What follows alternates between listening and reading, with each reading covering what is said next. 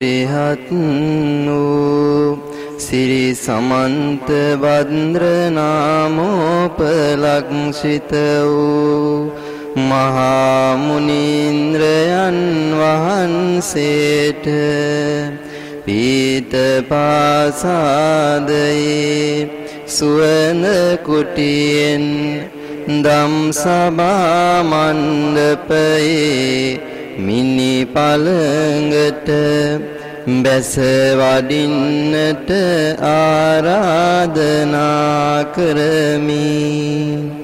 ඉතිපිසෝ භගවාන් අරහං සම්මා සම්බුද්ධෝ විඤ්ඤාචරණ සම්පන්නෝ සුගතෝ ලෝකවිදු අනුත්තරෝ පුරිස ධම්මසාරති සත්තානේව මනුස්සානං බුද්ධෝ ස්වාක්කාතෝ භගවතා ධම්මෝ සංදිට්ඨිකෝ අකාලිකෝ ඒහි පස්සිකෝ ඕපනයිකෝ පච්චත්තං වේදිතම්බෝ විඤ්ඤෝහිති සුපටිපන්නෝ භගවතෝ ශාවක සංඝෝ උජුපටිපන්නෝ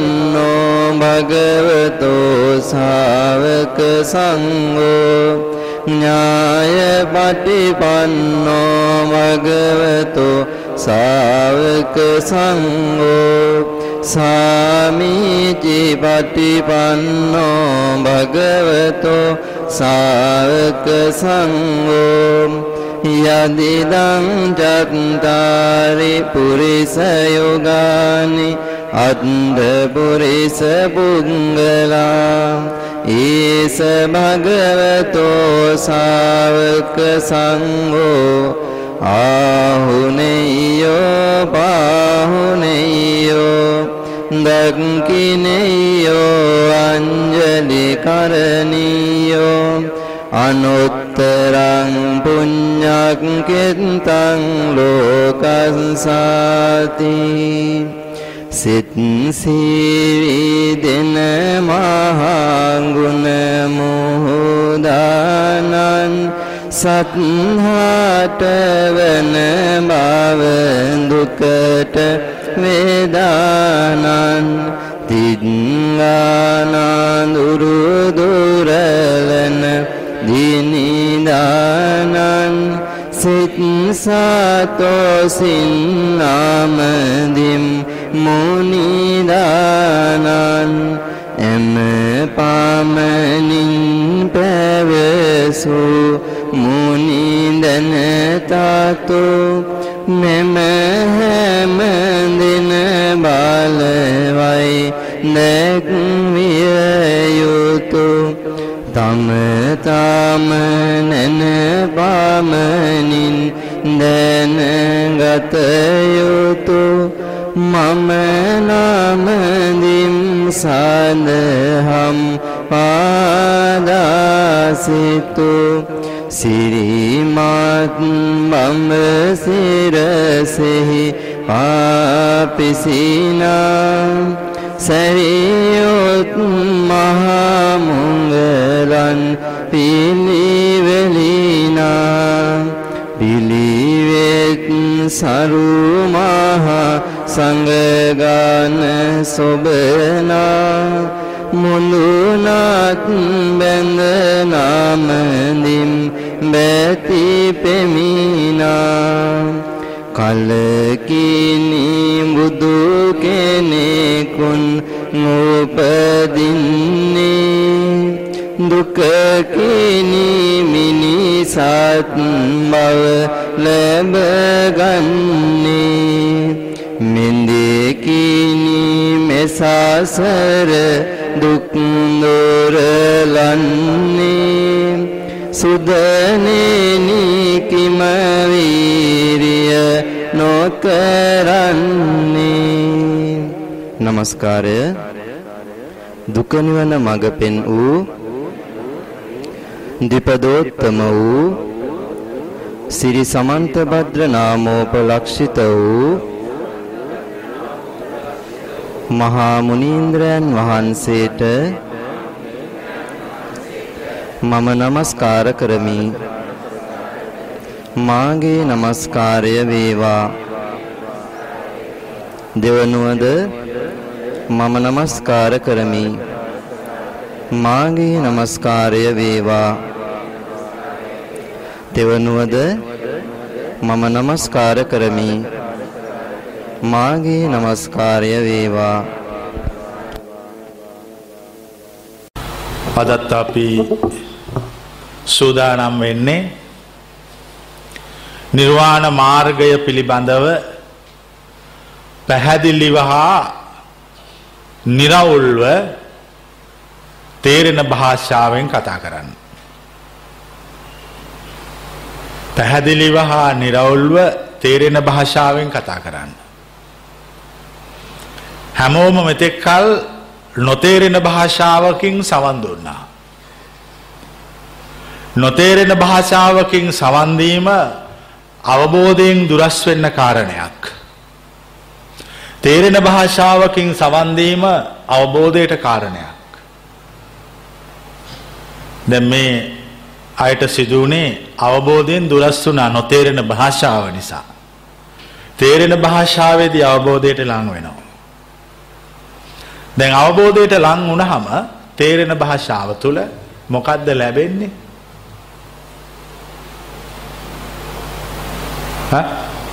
අවබෝධයට ලංවීම තුළ තේරෙන භාෂාවෙන් මොකද ලැබේ? අවබෝධය. එච්චර දැම්මම් ප්‍රශ්යක් අහන අවබෝධය තියෙන අයතුස්සන්න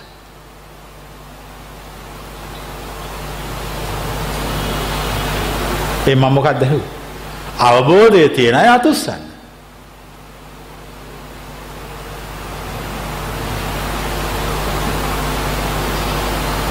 අවබෝධය තියෙන අය අතුස්සන්න.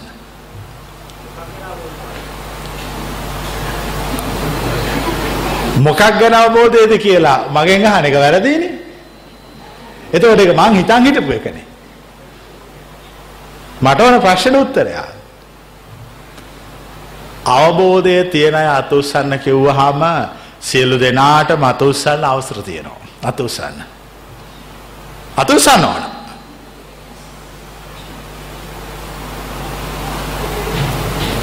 ඔයලට තුස්සන්න ඕන. නැත්තම් එක් කොටසක් දේශනාවෙ ඉන්නවා අනික් කොටස හාමු මහත්තුරු ටික වගේ වාඩි වෙලා ඉන්නවා දෙපැත්තට වෙලා. ආයි දෙගොල්ලම එකවර තුස්සන්න ඕන.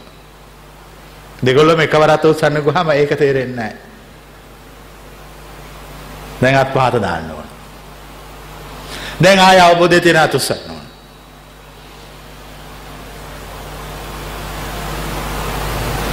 මම මොකක්ද ඇහුවේ? ඈ අවබෝධය තියෙන අතුස්සන්න කිව්වා. ඊට පස්සේ ආඥාවක් නිකුත් කළා. මොකක්ද ආඥාව? සියලු දෙනාට මත උස්සන්න කියලා ආඥාවක් නිකුත් කළා. ඇයි එහෙම ආඥාවක් නිකුත් කළේ.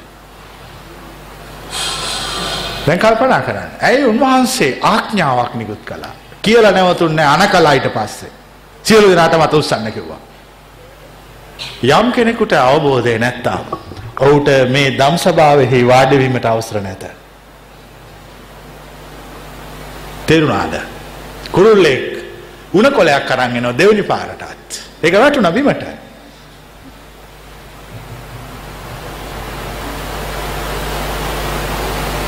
ඌට මේ දේශනාවන්න අවසර නැහැ. මොකද ස්වබාදහමෙන් ඌට පවරලා උගේ සාපයට හා පාපයට හරියන රාජකාරයක්. කූඩුවක් හදන්න බිත්තර දාන්න හා පැටවුන් බිහි කරන්න.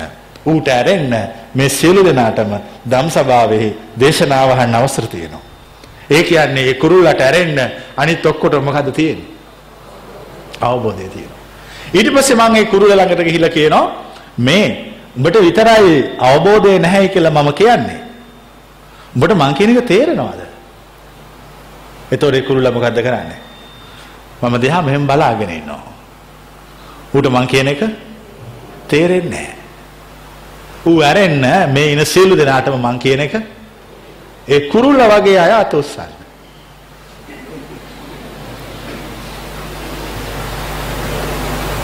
මං කියනව තේරෙනවද? ඒ කියන්නේ මේ මං කියන දහම තේරෙන්නේ නැත්තේ මොකක් හරි සාපයකට අහු වෙච්ච මිනිස්සුන්ට. ඒ මිනිස්සුන්ට ජීවිතය ගැන කල්පනා කරන්න වෙලාවක් නැහැ.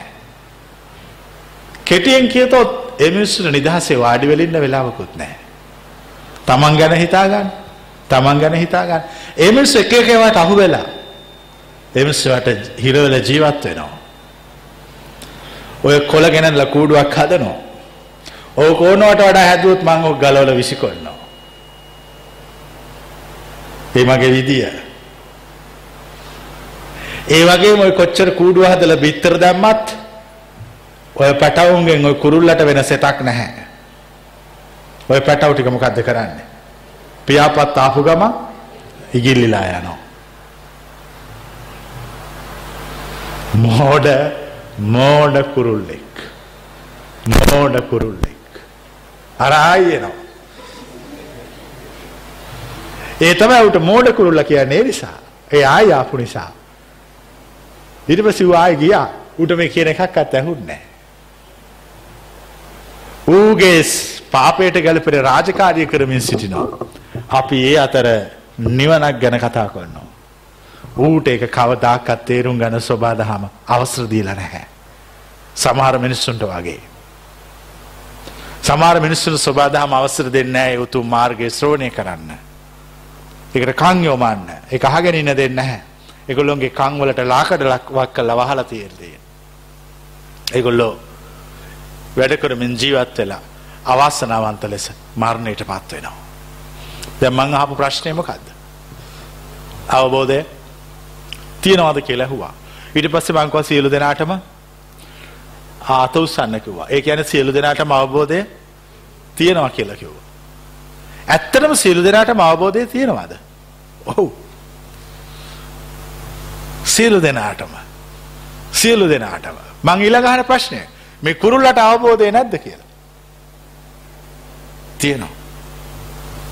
රෝපණය කර නොගත්. ඌළඟ බීජය තියෙනවා ඌ එකට වතුර දාලා නැහැ. ඌගෙත් ඔබගෙත් වෙනසක් තියෙනවා. ඔබල එකට වතුර දානෝ. පෝර දානෝ. සුදුසු පස්සක හිටවනෝ. ඌළඟ බීජය තියෙනවා ඌට තේරෙන්නේ නැහැ ඒක වගා කරගන්න විදිය. හැම කෙනෙකුටම අවබෝධයට අවශ්‍ය මූල බීජය තමා ළඟ තියෙනවා. බුද්ධත්වයේ බීජය ඔබ ළඟ ඇත. කොබලන එක තේරිච්ච ඇතුස්සන්න. බුද්ධත්වයේ බීජය ඔබ ළඟ ඇත. බීජය රෝපණය කර ගැනීම හෝ බීජය විනාශ කිරීම ඔබට බාර කරමි. ඔබට කැමති නම් ඒ රෝපණය කිරීමටත් ඔබට කැමති නම් එය විනාශ කර ගැනීමටත් අවසර ඇත. ඔබ රෝපණය කර ගත්තොත් ස්වබාදහම ඔබට ආශිර්වාද කරන අතර ඔබ බුද්ධත්වයේ බීජය විනාශ කර ගත්තොත් ස්වබාදහම ඔබ සාපයකට හසු කරයි. මම මේ කියන දේවල් පිළිබඳ විමසිල්ලෙන් අහන්න. සිහියෙන් සවන් දෙන්න. එවිට ජීවිතය පිළිබඳ අලුත් පරිච්ඡේදයක් විවර වේවි. හැමක් කෙනෙකුටම අවබෝධය තියෙනවා. ඒක ඒගොල්ලන්ට තේරෙන්නේ තව කෙනෙක් ඉන්නවා මෙහෙම.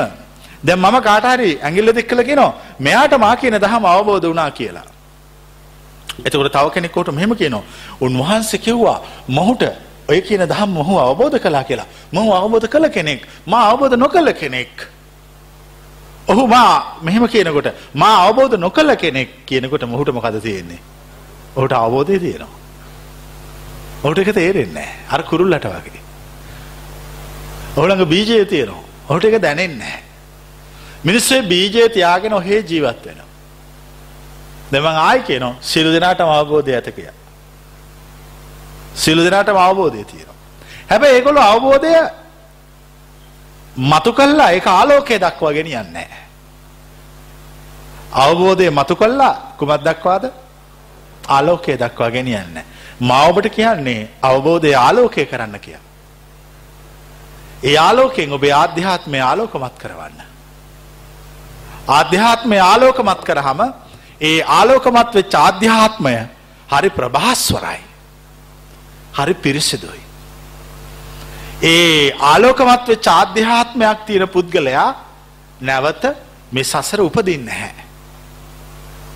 ඔහු සසර අවසන් කොන්නෝ. ඉපදී මහා මරණය. ඔහු සදාකාලිකවුද අජරාමරූද නිවනට ප්‍රවිෂ්ට වෙනවා. ඔන්න ඕක තම අපි දැන් හොයන්න ඕන. දැන් කිව්ව අවබෝධය තියේ කිව්වා. ඒ වුණාට කිව්වා විවෘත කරන්න නැතුව ආලෝකයට ගිහිල්ලා නැහැ කිව්වා. දැන් අපි විවෘත කරන්න ඕන.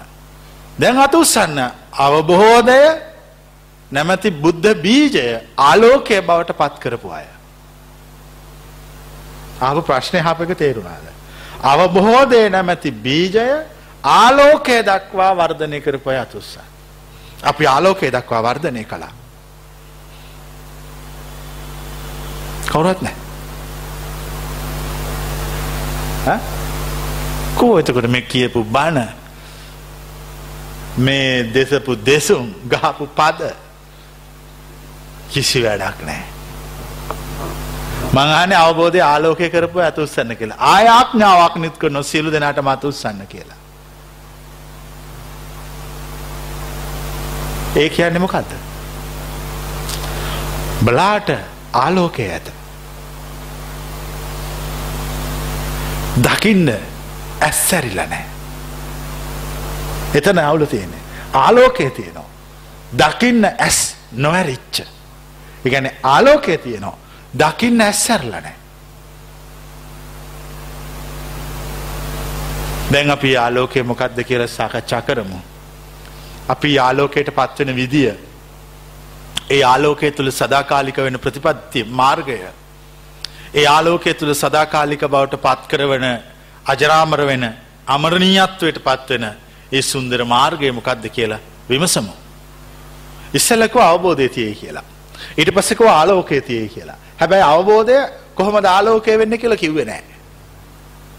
ඒක තම මේ සාකච්ඡාව. අවබෝධය ආලෝකය කිරීම. හැමෝගෙම ජීවිතයේ එක අවස්ථාවක හෝ සිතට විවේකයක් සුවයක් සහනයක් සැනසිල්ලක් හෝ නිවීයාමක් දැනිච්චය අතුස්ස. මුළු ජීවිත කාලෙම මාහන්නේය අවබෝධයද ආලෝකයද කියා. ජීවිතය කුමන හෝ දවසක කුමන හෝ වෙලාවක කුමන හෝ තැනක කුඩා කාලය හෝ හිතට සැනසීමක් නිවීමක් සංසිඳීමක් විවේකයක් දැනිච්චායට අතුස්සන්න කිව්වා ඔක්කො මතිස්වා. ඊට පස මම ප්‍රශ්නයක හවා ඒ අවබෝධයද ආලෝකයද කියලා. මම කියනවා එකට අවබෝධය කියලා. දැන් අවබෝධය තියෙන අයතුස්ස. දැන් අපි පාරවල්දික ඇවිදගෙන යනවා අපි මිනිස්සුත් එක සාකච්ඡා කරනවා අධ්‍යාත්මය ජීවිතය පිළිබඳ අපි යාඥම් කතන්දරවලට පත් කරනවා. එතකොට අපෙන් අහනෝ කවරට මෙහෙම. උඹට අවබෝධය තියද ආලෝකය තියද කිය ඇතට බයිනතුමකද කියන්නේ. මට ආල් අවබෝධය ඇති බව උන්වහන්සේ ප්‍රකාශ කළා. දැන් කියන්න බෑ. කොබාන කියන පුළුවන් ඇතුස්සන් මට අවබොහෝදය ඇති බව ප්‍රකාශ කළා. මා ඉදිරියේම. හැබැයි මට ආලෝකයේ ඇති බව කිව්වෙ නෑ. ඒක මට බලාගන්න කිව්වා. එහෙම කියලා ඒ මට බලාගන්න විදිහත් කියලා දෙනවා කියලා කියලා තිබුණා. ඒ වුණාට මොකක්ද කියලා දුන්නා. ඒක කරගණ්ඩ මට ආත්ම ශක්තියක් තිබුන්නෑ ඒකයි පළවෙනි උත්තරේ හරි කියලා දෙනවා කියලා කියලා තිබුණා. කියලා දුන්නා. ඒ වුණාට මට ඒක සාක්ෂාත් කරගන්න ආත්ම ශක්තියක් තිබුණ නැහැ. සාක්ෂාත් කිරීමට ආත්ම ශක්තියක් නැතිවෙන ආත්ම ශක්තියක් නැතෙයි කියලා හිතන යම් ප්‍රතිපදාවක් වේද. ඒ ප්‍රතිපදාව මමාද කියනවා. මංකිරක තේරවාද. සාක්ෂාත් කිරීමට ආත්ම ශක්තිය නැතේ කියලා ඔබ සිතන යම් ප්‍රතිපදාවක් තියෙනවද? ඒක මම දැන් කියනවා. ඒක සිහියෙන් අහන්න ඕන. ඒක හොඳට ධාරණය කරගන්න ඕන. රටානාටි සූත්‍රයේ තියෙන උග්ගන්නාත භික්කවේ ආටානාටිය රක්ඛා මහණෙනි මේ ආටානාටිය හොඳට ඉගෙන ගන්න. පරියාපුනාත භික්කවේ ආටානාටිය රක්ඛා මහණෙනි මේ ආටානාටිය හොඳට මතක තියාගන්න පරිවහනය කරන්න. ධාරේත භික්කවේ ආටානාටියා රක්ඛා මහණෙනි මේ ආටානාටිය ධාරණය කරගන්න. අත්ත සංහිතාය භික්කවේ ආටානාටියා රක්කා මහණෙනි මේ ආටානාටිය මේ ආටානාටිය අර්ථ සහිතව මතක තියාගන්න. භික්ඛූණං භික්ඛුණීනං උපාසකානං උපාසිකානං.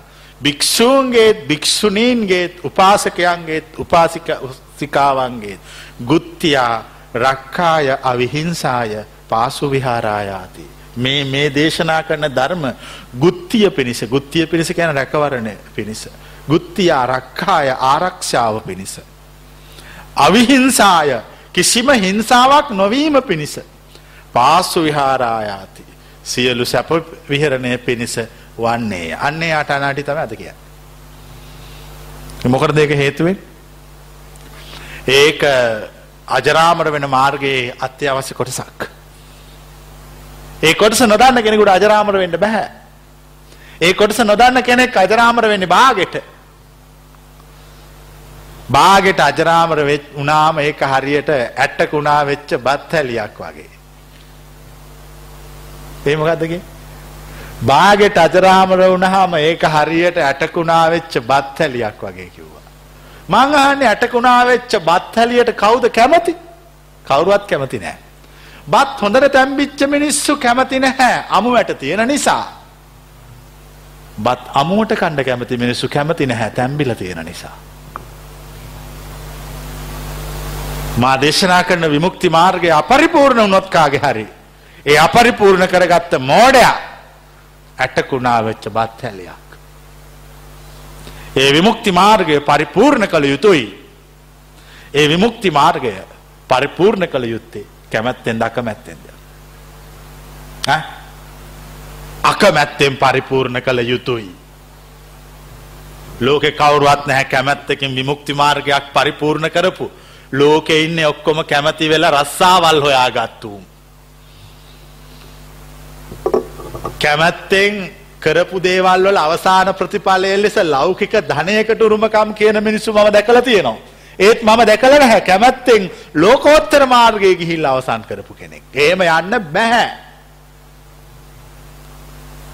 ඒ වුණාට අපි හිතන් ඉන්නේ කොහොම යන්නද? කැමැත්තෙන් යන්න. මගේ හිත කියන විදියට යන්න. මගේ හිතත් එක්ක යන්න. හිතට කරදරයක් නැතුව එක්ක යන්න. හිතට කරදරයක් නැතුව විමුක්ති මාර්ගය සාක්ෂාත් කරන්න. එහෙම එකක් කොහෙද ඒ මාර්ගේ. හිතට කරදරයක් නැතුව විමුක්ති මාර්ගය සාක්ෂාත් කරන්න යනවයි කියන්නෙම එයා හිතත් එක්ක ජීවත් වෙන්න ක්‍රමයක් හොයනවද ඇත්තටම විමුක්තියක් හොයනවද? එයා හිතත් එක්ක ජීවත් වෙන්න හොර ක්‍රමයක් හොයනවා. හිතත් එක්ක ජීවත් වෙන්න හොර ක්‍රමයක් හොයනවා. මං එවැනි බොරු මාර්ග අනුමත කරන්නේ මං කියන්නේ හරියකට යන්න ඕන කියලා. හරියකට යන්න ඕන. අවබෝධය තියෙයි කිව්වා ආලෝකය ගැන උත්තර නොදී මගේ හැරියා. ආලෝකය සොයාගන්න කියලා කිව්වා. මෙන්න ආලෝකය සොයන විදිහ ප්‍රතිපදාවක් කියනවා කොන්න දැන් ප්‍රතිපදාව හොඳට අහන් ඉන්න ඕන. අවබෝධයේ තියේ තියේ කියන එකට සාක්ෂි කිව්වා. මොකද සාක්ෂිය? කියන්න කියපු සාක්ෂිය කවුරු හරි. මම එකට සාක්ෂියක් කිව්වා මේ සියලු දෙනාටම අවබෝධය ඇත කියලා එකට සාක්ෂිකුත් කිව්වා. සිතේ නිවීමක් සංහිඳියාවක් විවේකයක් සැනසෙල්ලක් ජීවිතේ එක දවසකදී හෝ දැනලා තියෙන එක තමයි අවබෝධය. හැබැයි ආලෝකය කියලා අපි පිළිගන්නේ මෙන්න මේමයි ආලෝකයට යන්නේ. දැන් මේ නිවීම ආය ආය ජීවිතේ ලබන්න කැමති වෙච්ච අය අත උස්සන්න. හොඳට අත උස්සන්න. මගේ හිතට සැනසෙල්ලක් දැනුණා. මගේ හිතට විවේකයක් දැනුණා. මං ඊට පස්සේ ආය ආයි ඒ විවේකය හා සැනසිල්ල සොයාගෙන ගියා. එහෙම සොයන්න පටන් ගත්තාම ඒ සැනසිල්ල ඔස්සේ හිත ගමන් කළා. එතකොට හිත තවත් නිවුණා. තවත් සිසිල් වුණා. මං කියනව තේරෙන ඇතුස්ස. ඒව දැනිච්ච ඇතුස්සන්න දැන් ඔය කියන එක වෙච්චාය තව තවත්නි වෙන්න පටන් ගත්තා. තව තව සිසිල් වුණා. සිතට අමුතු සහනයක් සොයක් දැනුණා. මංහන අය ප්‍රශ්නයක්. ඒ අවබෝධයද? ආලෝකයේද? ඒ අවබෝධයද? ආලෝකයේද? තවම ඔබ අවබෝධය සිටි. තවම ඔබ ආලෝකය ලබා නැත ඔබට ආලෝකය ලැබුව හම සැබෑවටම ඔබ මා සමග එකතු වී අවසා මාලෝකය තුළ ඇත. හැබැයි ඒ ආලෝකය සොයා යන මාර මාවතේ අවබෝධය පවති. අවබෝධය හරහා මාවතය ගමන් කළ යුතු. ආලෝකයේ දෙසට. දැන් සිත හොඳටම නිවිලා. වෙන දති බිච්ච දැවිල්ල අපහසුව විඩාබර අලස ගතිය සිතර දැත් නැහැ. ලොකු සුවයක් තේරෙනවා. ඒ තේරෙන අතුස්සන්. සැනසිරිදායකයි සුවදායකයි. හැබැයි ඒක මං පිළිගන්න හැ ආලෝකය කියලා. ඒක බොරු අවබෝධයක්. ඒක බොරු අවබෝධයක්. ඊට පස් ඒගොලු කල්පනා කරනවා මෙහෙම දැන් අප හිත නෙවුණා. අපි දේශනාවල් දිගට දිගට දිගට අහගෙන අහගෙන අහගෙන අහගෙන ගියා අපේ හිත ගොඩක් සැනසුණා. අපිට තේරුණා බොරු ගොඩාක් දේවල් වලට බැඳිලා ඒවා පස්සේ දුවන බව. ඒවා කෙටියෙන් කිව්වොත් ඇත්තේ කියලා හිතන් ඉන්න බව. අපි ඒව ඇත්තේ කියලා හිතලා ඒවට වටිනකම් දීලා තියෙන බව. ඒ වටිනකම් කියන සාපේක්ෂක උඩ අපි වැඩ කරන බව. මේ ලෝකෙම දුවන්නේ වටිනකම් වලට දීපු සාපේක්ෂක මත. මං කියන එක තේරිච්ච ඒක පැහැදිලි කරනවා. වටිනකම් වලට දීපු සාපේක්ෂක. අපි කඩේට මල් ගන්න යනවා. දැන් මෙතන මල් දෙකක් තියෙනවා. අපි ගිහිල් අහනවා නෙළුම් මලක් කීයද? පිච්ච මලක් කීයද කියලා. මේ හැමෝම කියන්නේ මේක ගණන් වැඩි මල. මොන මලද? මගේ දකුණු අතේ තියෙන මලද? වම් අතේ තියෙන මලද? මේ ගණන් වැඩි මල. මේකද? මේකද?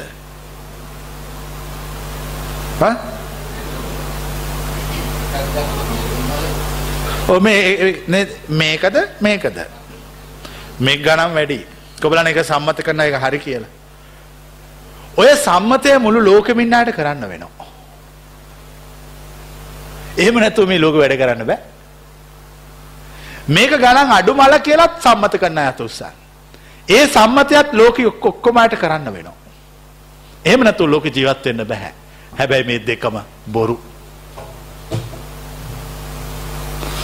මේ දෙකම අවස්ථාන කුල කරපු සම්මත. අපිට තේරෙන මේ දෙකම අවස්ථානුකූලකරු සම්මත වැඩක් නැහැ මේවා. මට ඕන මේ සියල්ලෙන් ඈතෙන් ඈතේ මේ ලෝකයේ ඇද්ද නොවෙනස් වන දෙයක්. මේ ලෝකයේ ඇද්ද කිසිම කෙනෙකුට චලනය කරන්න බැරි දෙයක්. මේ ලෝකේ පවතිනවාද අකෝප්‍ය විමුක්තියක්. අකෝප්‍ය විමුක්තියක් අකුප්පා මේ චේතෝ විමුක්ති. අකෝප්‍ය චිත්ත විමුක්තියක් අන්න එක මට සොයන්න ඕන. දැන් ඔහු අර සියලු සාපේක්ෂකොල්ට දීපු වටිනකම මොකද කරන්නේ. එක පාර අතඇරල දානවා. සාපේක්ෂකවලට දීපු වටිනකම එක පාර අතඇරල දැම්මම ඔබ අවුරුදු විස්සක් විසි පහක් හදපු ලෝකයට මොකක්ද වෙන්නේ. ඉවරයි. ඒ ලෝක තිවුණේ සාපේක්ෂක උඩ හදලා. කොබලන තේරිච්ච ඇතුස්සා. ඒක සාපේක්ෂකුඩ හදල තිබුණ මේ වගේ වටිනකං ගොඩක් උඩ. මේ පුතා මේ තාත්තා පුතා මෙච්චර වට වටිනවා තාත්තා මෙච්චර වටිනවා. එහෙම එහෙම අපි හැමෝම මේ ගොඩාක් දේවල් හදලා හැම එකක්ම එහෙම හදලා තිබුණේ. ඊට පස්සේ කෝ මේ දෙකම මේ මල් දෙකම විසිකලා විසිකලා කෝ මේ මල් දෙකම වැඩක් නැහැ. මේක සාපේක්ෂ වටිනකමක් විතරයි. මට ඕන নিরপেক্ষක උදයක්. මොකද මේ සාපේක්ෂක දේ තුල මට දැනෙනවා විඩාවක් අසහනයක්. සැනසෙල්ල මගේ සැනසෙල්ල මම සොයන විවේකයට මේ සාපේක්ෂක උඩ සියල්ල බාධාවක්. මම දැන් යනවා මොකක් සොයාගෙනද? ඒ නිරපේක්ෂ වූ අකෝප්‍ය වූ විමුක්තිය සොයාගෙන. ඒ ඔබ යන්නේ අවබෝධය සොයාගෙන දාලෝකය සොයාගෙනද. ඒ අන්න එක තමයි ආලෝකය. එතකොට මේ ආලෝකය සොයන්න පටන් ගන්න මිනිහෙක් කුමකින් පස්සේද? අවබෝධයෙන් පස්සේ. අවබෝධයෙන් පස්සේ ආලෝකය සොයන්න. අවබෝධයෙන් පස්සේ ආලෝකය තියෙන්නේ. හැබැයි දැන් ඔන්න පටලවා ගන්න තැන් ගොඩක් වැඩි. සාමාන්‍යයෙන් ලෝකේ වැඩිම පැටලුම් තියෙන තැන මම දැකලා තියෙන නිවන් මාර්ග. ලෝකේ මාර්ගවල පැටලුම් වැඩිම යම් තැනක් තියෙනම් ඒ තමයි නිවන් දකින මාර්ගය. ඒක කාටවත් තනියෙන් යන්න බෑ එච්චරට පැටලි සහිතයි. ලෝකේ හැමදාම මේ නිවන් මගේ යන්නේ කොහොමද? ඒ මාර්ගය යන්නේ මෙන්න මෙහෙමයි. අන්ධ වේන උපමාව සී කරන්න. අන්ධ වේන උපමාව කිව්වේ මොකද්ද? අන්ධ වේන උපමාව කියලා කියන්නේ අන්ධයෝ ටිකක් පාරක යන උණ ගහක් කරේ තියාගෙන. පළවෙනි අන්ධයා පස්සේ ඉන්නේ කවුද? දෙවෙනි එක, තුන්වෙනි එක. ඕම ඕම ඕම ඕම යනවා. හැබැයි ඔක්කොම කරේ තියාගෙන ඉන්නේ මොකද්ද? එකම උණ ගහක්. දෙකක් නෙමේ එකම උණ ගහක්. කොවලන්න උණ ගහ කරේ තියාගත් අන්දෙක් වෙන්න කැමති අතුස්ස. හොඳට අතුස්සන්න. අපි කැමති ඔබ වහන්සේ අපේ කරට දෙන උණ ගහ ගන්න හැබැයි ඊට ඉස්සෙල්ලා මම යකඩ දෙකක් අරගෙන මගේ ඇස් දෙක අන්ධ කරගන්නවා. ඊට පස්සේ තමයි ඔබ වහන්සේ අපේ කරට දෙන උණ ගස ගන්න අයිතිය තියෙන්නේ. ඒ ගැන ඉස්සෙල්ල ඇස් අන්ද කරගන්න කැමතිය අතුස්සන්න ඇස් අන්ද කර ගැනීමට බය කිසි කෙනෙකුට මම උනගහ දෙන්න හැ කරට.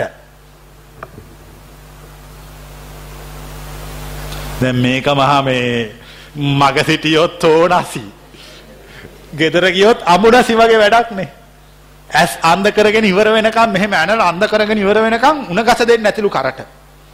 ඇස අන්ද කර ගත්තොත් උණගස දෙනවලු. මොකක්ද ඒ කිව්වේ? ඈ?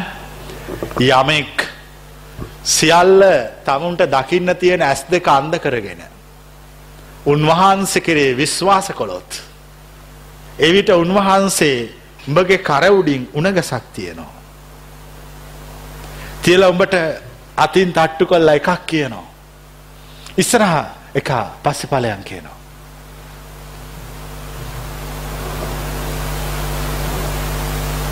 පෙන්නල කියලා වැඩක් නැහැ නේ ඇස්සන්ද වෙච්ච කාට උන්වහන්සේ අතින් තට්ටු කරන ළඟට ඇවිල්ලා. අතින් තට්ටු කළා කියනවා. ඉස්සරහා එක පස්සේ ඵලයන් කියනවා. එවිට ඔබ මා කෙරෙහි කෙසේ පිළිපදින්නේද?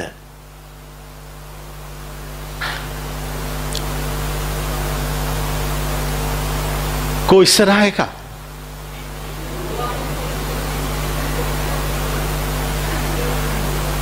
මහන කෝ ඉස්සරහා එක කියලා. දැ අරුගේ ඇස්පෙන් නෑ දැ ඇස්පෙන් නැති එකෙක් උත්තර දෙන විදිට මට උත්තර දෙන්න. කොයිස්සර හය එක දැ මහන ඇස්පේ දැම් මම මෙම උන්වහන්ස කිව්වා ඉස්සරහ එක පස්සෙ පල කියලා. මංහන දැන් ඉස්සරහ එක පස්සේ යන්න ඕනනේ. කෝ ඉස්සරහ එක පේනෑ ඇබැ ඉස්සරහ එකෙක් ඉන්නවා. මෙහෙම අල්ල බලනවා මේ ඉන්නේ. එක්කෙනෙක් ඇවිල්ල කිව්වා ඉස්සරහ එක පස්සේ ඵලයන් කියලා. ඊට පස්සේ අල්ලල බැලුවාම ඉස්සරහ එකෙක් ඉන්නවා.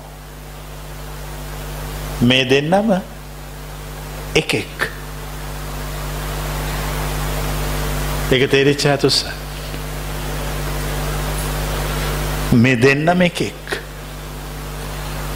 දැන් ගත්ත කරට උන ගස. දැන් ඊට පස්සේ තුන්වැනියෙක් ඔය උන ගස කරට ගන්නවා. එතකොට ඌපස් ඒ තුන්වැනිය පස්සේ දෙවැනියට ඉන්න එකා තමයි උගේ ඉස්සරහා එක මං කියප එකත් තේරෙන ඇතුස්ස. හැබැයි එයාට කියන්නෙත් කියපු වචනෙත්මකක්ද. ඉස්සරහා එක පස්සේ පලය. එතකොට එයා ඇස්පේෙන් නැති නිසා අල්ලල බලනෝ. කවුදහු වෙන්නේ. මංහන්න අහුවෙන දෙවනේද පලවෙනද කියලා. කවුදහු වෙන්නේ පලවෙනය. යමෙක් මාකිව් මාර්ගය ගවේශණය කිරීම සඳහා තමාගේ ඇස් සන්න කරගන්නේද. එවිට ඔහු තුළ මා ජීවමාන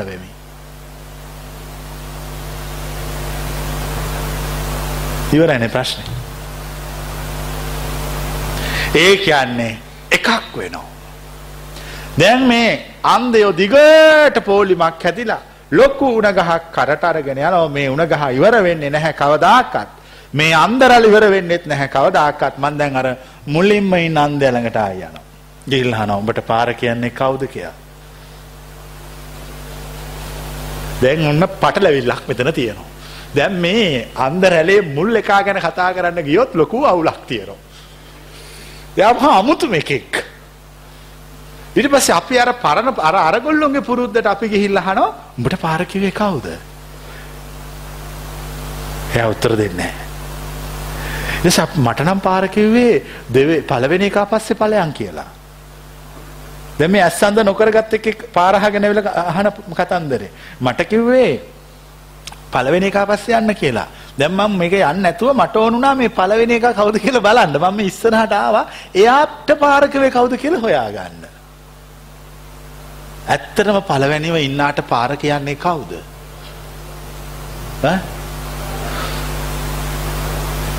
ඒ ප්‍රශ්නට උත්තර කෝටියක් විතර තියෙනවා. උත්තර ගොඩක් දෙන්න පුළුවන්. ඒ නිසා උත්තරයක් දීලා වැඩක් නැහැ මා. ඒ වුණාට ඒ පළවෙනි එක්කෙන කියන පාර හරියට හරි. එයා පාර කියන්නේ සුද්ධවන්තයෙක් වීම සඳහා, ගැලවීම සඳහා, අවබෝධය සඳහා අරහත් බව සඳහා. එච්චරයි. දැන් මේ පාර යන්න බැරි වෙන්නේ ඇස් පේන නිසා. විශ්වාස කිරීම හා ඇදහීම ගැලවීමට අවබෝධයට මාර්ගයයි. විශ්වාස කිරීම හා ඇදහීම ගැලවීමට අවබෝධයට මාර්ගයයි.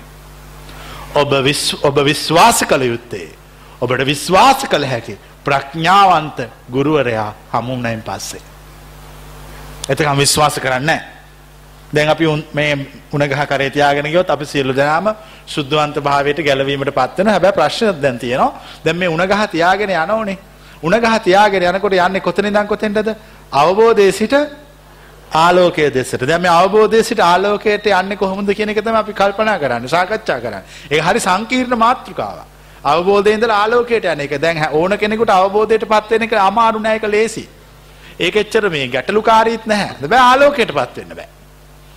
ඒගොල්ලෝ අවබෝධයේ යම් යම් සීමා තුළ වාඩි වෙලා ඉන්නවා අසුන් ගන්නවා. මම කියන්නේ අවබෝධයේ සීමා තුළ අසුන් ගන්නෝ මාගේ ශ්‍රාවකයෝ නොවේ කියා. මා කෙරෙහි භක්තිවන්තයෝද නොවේ කියා. මා කෙරෙහි විශ්වාස කරන මා කෙරෙහි විශ්වාස කළෝද නොවේ කියා. යමෙක් ආලෝකයේ දකින්නේද ඔහු මගේ ශ්‍රාවකයෝය. අන්න ආලෝකයේ දකින්න ඕන. දැන් වෙන්නේ ආලෝකය බලන්න ගියන් පස්සේ අර අන්ධ වෙන උපමා විදියට ගියොත් හරිද වැරදිද? හරියටම හරි. වෙන යන්න විදියක් නැහැ. මොකද වෙන වෙන විදිවලට යන්න ගියොත් මගදී මේගොල්ලෝ පාර වෙනස් කරනවා. මේගොල්ලෝ මේ පාර පොඩි හරි වෙනසක් කළොත් ඉදල්ලිරට දේශනාව තමයි සිහිපත් කරගත යුතු. ඉදල්ලිරට දේශනාව මතකද? ඉදලක්කා ඉදටුවක් පිළිබඳ කරපු දේශනාව. අන්නේ විදිර මේගොලු පාර වෙනස් කොන්නවා. පාර වෙනස් කරහම් මේගොලු කවතාවක්තේ සුද්ධ භූමියයට ළඟාවෙන්න හැ. නිර්වාණක් සේම් භූමියයට පත් වෙන්න හැ ඒගොල්ලු නිවනින් අපගමනය වෙලා නැවත සංසාරයට ප්‍රවිෂ්ට වෙනවා. දැන් අපි සංසාරයට නොයන ගමනක් ගැන මේ කතා කරන්නේ. අපිට ඕන මේ අජරාමර වෙන්න කොබල අජරාමර වෙන්න කැමති ඇතුස්ස. ආයි මැරෙන් නැතුව ඉන්න. ආය උපදින්නෙත් නැතුව ඉන්න. කිසිම ලෙඩක් දුකක් කරදරයක් නැතුව ඉන්න. සුන්දර ජීවිතයකට පත්වෙන්න. සධාතනික වෙන්න. සධාතනික සධාතනික වෙන්න කෙනෙක තේරෙනවා මට මහා පෘතුවිය වෙන්න ඕන නැහැ මොකද ඒක සධාතනික නොවන නිසා. මට අහසේ වලාකුල් වෙන්න ඕන නැහැ. මොකද යම් දවසක වැස්ස ලෙස පොළොවට වැටෙන නිසා. මට සූර්යා වෙන්න ඕන නැහැ. යම් දවසක නිවෙන නිසා. එහෙත් මට අවකාශය වෙන්න අවශ්‍යයි. තෙරිච්ච හතුස්සන් ඒ කියපු කතාව. මොනවද කිව්වේ? හතරක් කිව්වා. මට පලන කිව හද මට මහා පෘතුවිය වෙන්න ඕන්න නැහැ. ඒක. සදාතනික නෝන නිසා. මට වලාකුළු වෙන්න ඕන නැහැ. ඒක වැස්ස ලෙස වැටෙන නිසා. මට සූරයා වෙන්න ඕන නැහැ. ඒක යම් දවසක නිවෙන නිසා. එහෙත් මට අවකාශ්‍ය වෙන්න අවශ්‍යයි. මං කිපක තේරුණාද? ඒ අවකාශය සදාතනික නිසා. කොබලන්න මගේ අවශ්‍යතාවය තියෙන කවුරහට මෙතන ඉන්නවාද? අතුසන්න අපිට උඹහන්සගේ අවශ්‍යතාවය අපිටත් තියෙනවා. එනම් මගේ පස්සෙන් එන්න. ඔන්න ඔය අවකාශය වෙන මාර්ගය. සූරයා වෙන්නෙත් නැතුව පෘතුවය වෙන්නෙත් නැතුව අහස වෙන්නෙත් නැතුව අවකාශය බවට පත්වෙන මාර්ගය මා ඔබට දේශනා කොන්න මේ මාර්ගය තමයි කිය ඒ මාර්ග ඉතා පරිස්සමින් යන්න ඕනේ. මාර්ගය කවුරුවත් යන්නේ නැහැ. එක බලෙන් එක්කගෙන යන මාර්ගයක්. පිංකල ඇත්තන්ට විතරක් වඩින් අවසර තියෙන පාවාඩයක්. කුසල් පුරපු ඇත්තන්ට විතරක් යතුරු දෙන මාර්ගයක්. සියලු ලෞකික ආශාවන් කෙරෙහි නොබැඳී සිටින්නන්ට යන්න අවසර තියෙන උතුම් පාරක්. එක යන්න ඕන. එක යන්න එක තල්ලු කොන්නෝ දාලා. එක යන්න කැමති නෑ කවුරුවත්. මොකද ඒක අර ලෞකික ජීවිතය විදපු විඳී විින්දනීය බව තියද නැද්ද? නෑ ඊට වඩා එකක් තියෙනවා. ඒක පේන්නේ හැමදාම අර නෙළුම් මලේ පිච්ච මලේ කතාව. සාපේක්ෂක ලෝකයේ තුලනේ වින්දනය දැක්කේ.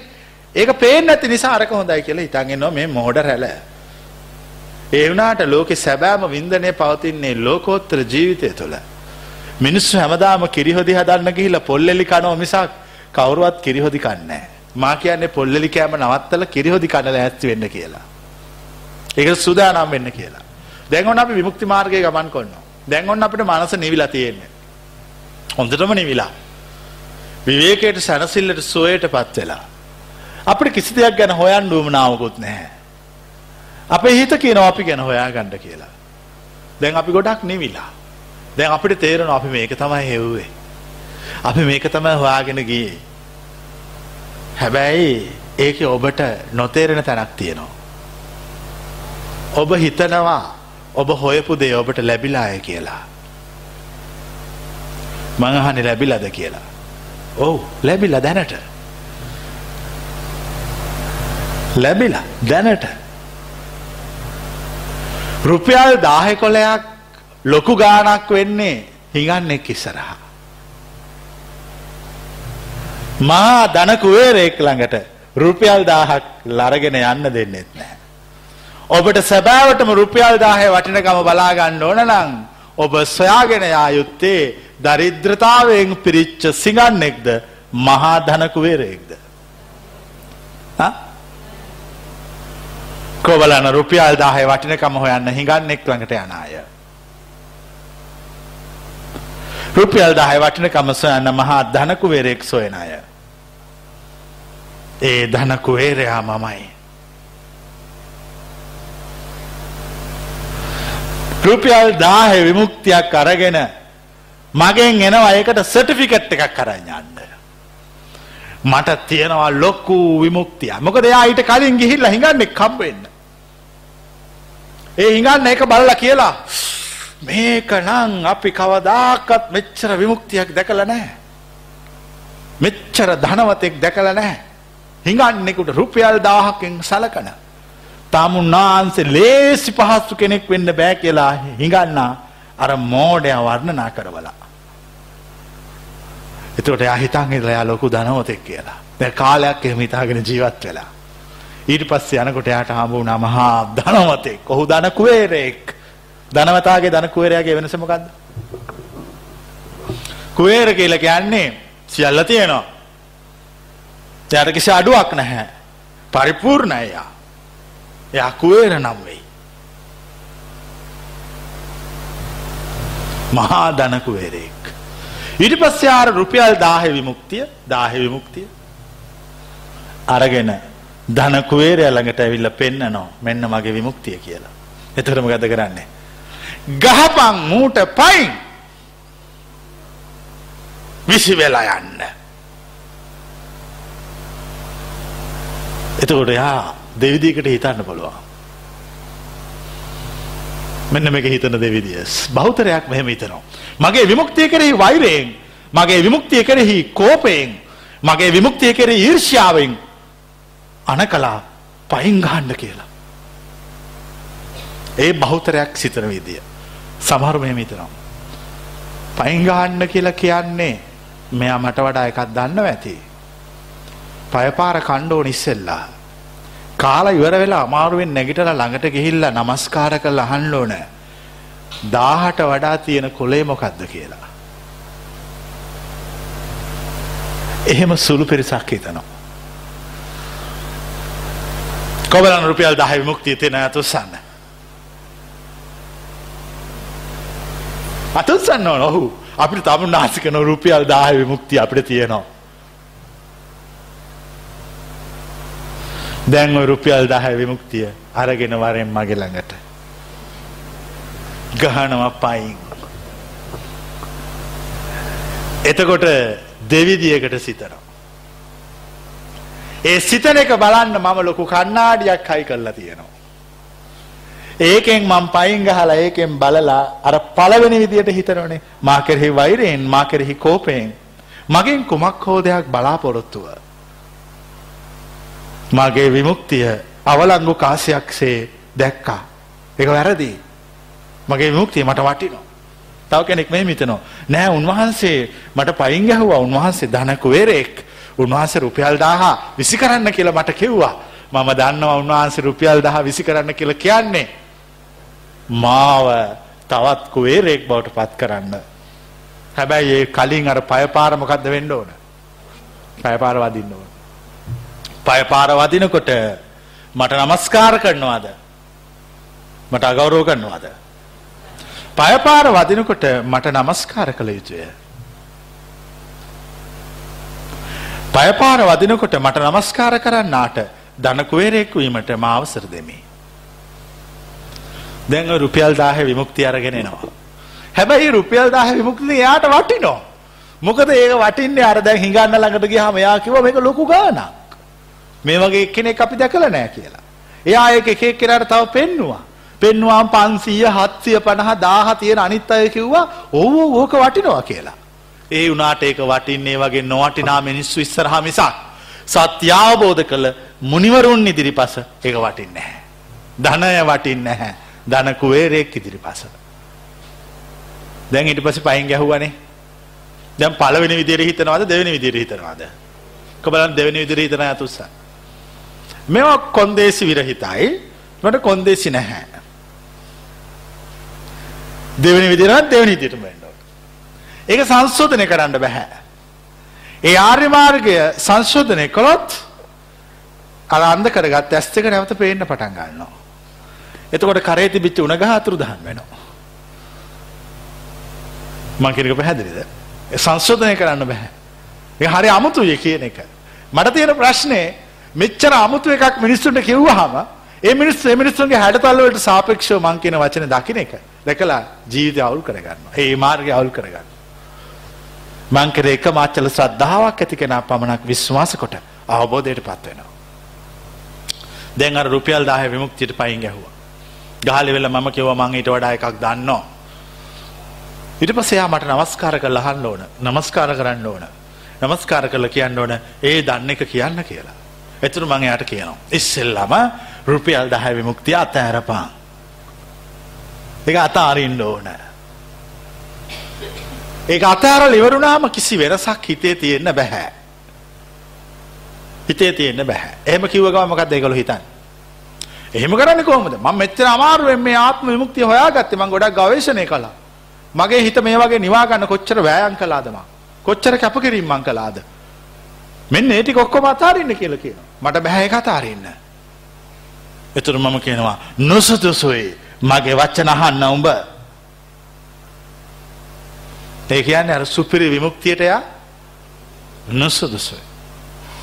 කෝ බලන්න ඔය තත්ත්වය දැනට ජීවිතයේ අත්දැකීම් වශයෙන් ලැබලා තියෙන අතෝසන්. අපි ඔය කියනව ලැබුවා. අපිට ඔය කියනව දැනෙනවා. අතෝසන් අතෝසන්. හරි.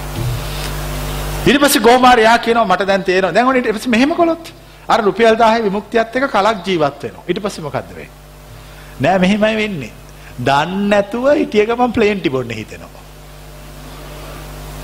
දන්නේ නැතුව ඒක මේ දැනගෙන ගන්න එක නෙමෙයි රුපියල් 10 තියාගෙන ඉන්නේ මේක දිව්‍ය ඖෂධය වගේ තියාගෙන ඉන්නේ හිටිය ගවා විතර නෑ හරි අමාරු ප්ලේන් ටිකක් බිව්වේ නෑ උඟ කාලෙකි ප්ලේන් ටි කඩේට ගියාම වඩේකුත් වඩෙත් තියෙනවා ඊට පස්සේ හිතනවා නෑ වඩේකුත් කනවා මොකද්ද ඔක කාලෙකින් වඩේකුත් කෑවේ නෑ වඩේ කනකොට බනිස් තියෙනවා ඊට පස්සේ හිතනවා මේක කාලෙකින් බනිසක් හම්බ වුණේ කාලා දානවා බනිසත් බනිස් කනකොට කේක් තියෙනවා. ඒ ඕඩර් එක ඒක තමයි ඕඩර් එක.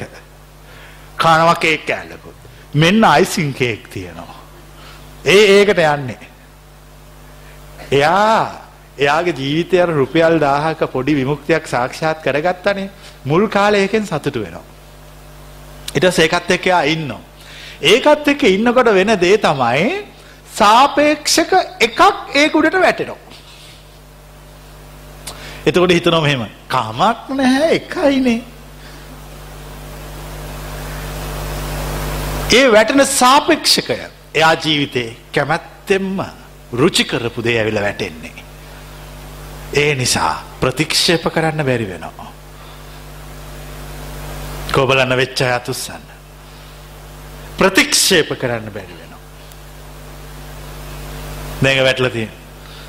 එතකොට මෙහෙම කියනවා මගේ විමුක්ති මාර්ගය මට විශ්වාසයි. ඒ කිසිම අඩුවක් පාඩුවක් නැහැ. කමක් නැහැ.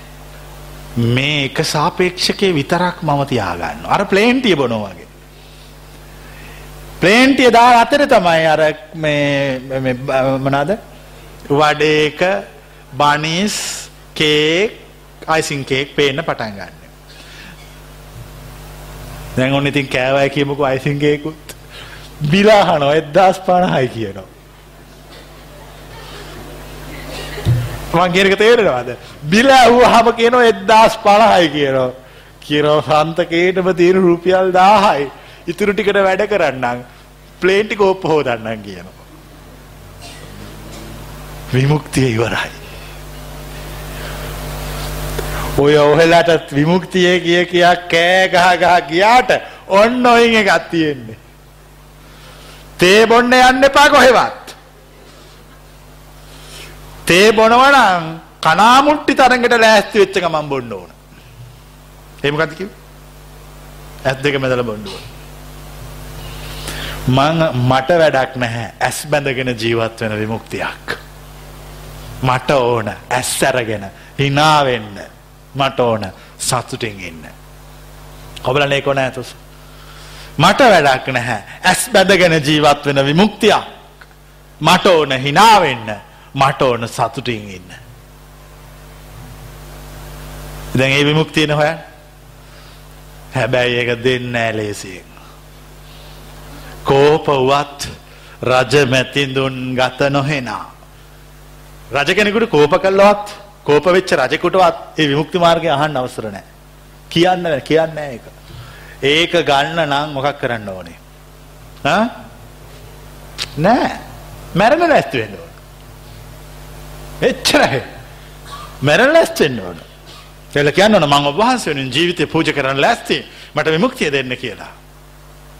ඉතින් දහම් තුන ජාතකේනේ ඔය. ඔය දහම් තුන ජාතකේනේ ඔය. අර රජ්ජුරුව රජකම අතෑරලා යනවා ඇවිදගෙන කැලේ. හම්බෙන්නේ කවුද? රකුසෙක්. රකුසගෙන් අහනවා ධර්මයේ දන්නවද කියලා. කියනවා ඔව්.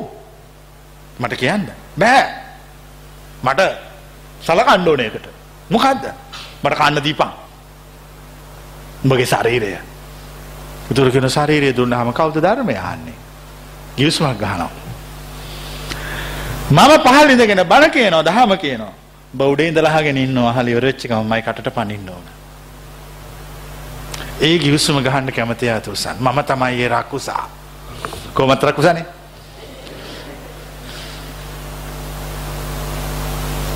මේක මහාමුදු කතාවක්. ඒ කිවිස්සුම ගහන්න ගමතය අතුස්ස මගේ ජීවිතයෙන් ඔබවහන්ස වෙනුවෙන් වන්දිගෙ වනවා හැබැයි එක පොරොන්දුවක් පිට. නොවද පොරොන්දුව. මේ අතින් මගේ ජීවිතය ඔබට පූජා කරනකොට. ඔබ අනිත් අතින් මට ඔබ ළඟ තියෙන රහස කියල ඉවර කරන්න ඕන. කියන්න ඕන කිවට හරියන්න බාගට කියන්න පුළුවන්. මේ ගිවිසුම් ගහනකොට හරියට ගහ නැත්තං එඩ එදා සර්සි පහල උඩරස ගිවිසුම වගේ වෙනවා. හරියට ගහන්න ඕන ගිවිසුම් ගහනකොට වචනයට ගහන්න හරියට. මම ජීවිතය මේ අතට දෙනවා. දෙනකොට ඒ විමුක්ති මාර්ගය මට කියලා ඉවර වෙන්න ඕන. මේ දෙකම එකවර සිද්ධ වෙන්න ඕන. කොබලන ඒකට කැමති ඇතුස්ස අත්නං උස්සා ඉතින් මොකද ඔච්චර අමාරුවක් නැහැ නේ. මෙහෙම කරනවා මෙහෙම කරනවා මෙහෙම කරනවා මෙහෙම කරනවා හැබැයි යෝග කරන්න ගියාම තියෙන වද. දෙන දසවද ඒ සියල්ලට මුහුණ දෙලා නිශ්ශබ්ද වෙන්න ඕන. නැත්තම් ඒ විමුක්ති මාර්ගය කියන්නේ නැහැ. විමුක්ති මාර්ගය අහන්න අවසර නැහැ. ඒක කියන්නේ මහා අමුතු විදියට කියන්නේ. හැබැයි කියන්න ඒක අහන්න ඕන. ඒක තමයි මේ සංසාරේ අපි අහන අවසාන දේශනාව. අපිට ආයතකොට අහන්න අවසර නැහැ. අපි සියල් අහලා තියෙන්නේ. අපේ දුර්වලතාවය නිසා අපිට ය아가න්න කොන්ද පණ නැහැ. අපිට ආත්ම ශක්තිය නැති නිසා අපි ඔක්කොම අහලා අපේ පාපයට අපි හිර වෙලා ජීවත් වෙනවා. අපි හිමින්න අප මේ කඩාගෙන නැගිටිනවා සත්‍ය අවබෝධ කරනවා අවබෝධයෙන් ආලෝකයටපත් වෙනවා. දැන් ආයෙත් ආලෝකයට එන්න එනවා දැන් ආ එක තැනක නැවතිලා රුපියල් 1000 විමුක්තිය තියා ගන්නවා. එයා රුපියල් 1000 විමුක්තිය අතට අරගෙන රුපියල් 1000 කොලේ ලස්සන බලනවා. ඈ කරුපියල් 1000 ගේන්න. මං ලස්සන බලන හැටි පෙන්වන්න. හැබැයි ආයි දෙන්නේ නැහැ. ඒ මට දුන්නහම හැටි. ආය හම්බ වෙන්නේ නැහැ. වැරදිනේ ආය හම් දෙනවනේ රුපියල් දහක්ගේෙන්. ඒක එක්කෙන විමුක්තිය රසවිඳින ආකාරය හා ඒ විමුක්තිය රසවිඳීම තුළ ඔවුන්ට ඒ විමුක්ති මාර්ගය වරදින විදිී කියලා දෙන්න. දැන් හැමෝම හිත නිවිලක් නිවිච්චේවට කොටු වෙලා නෙන්නේ.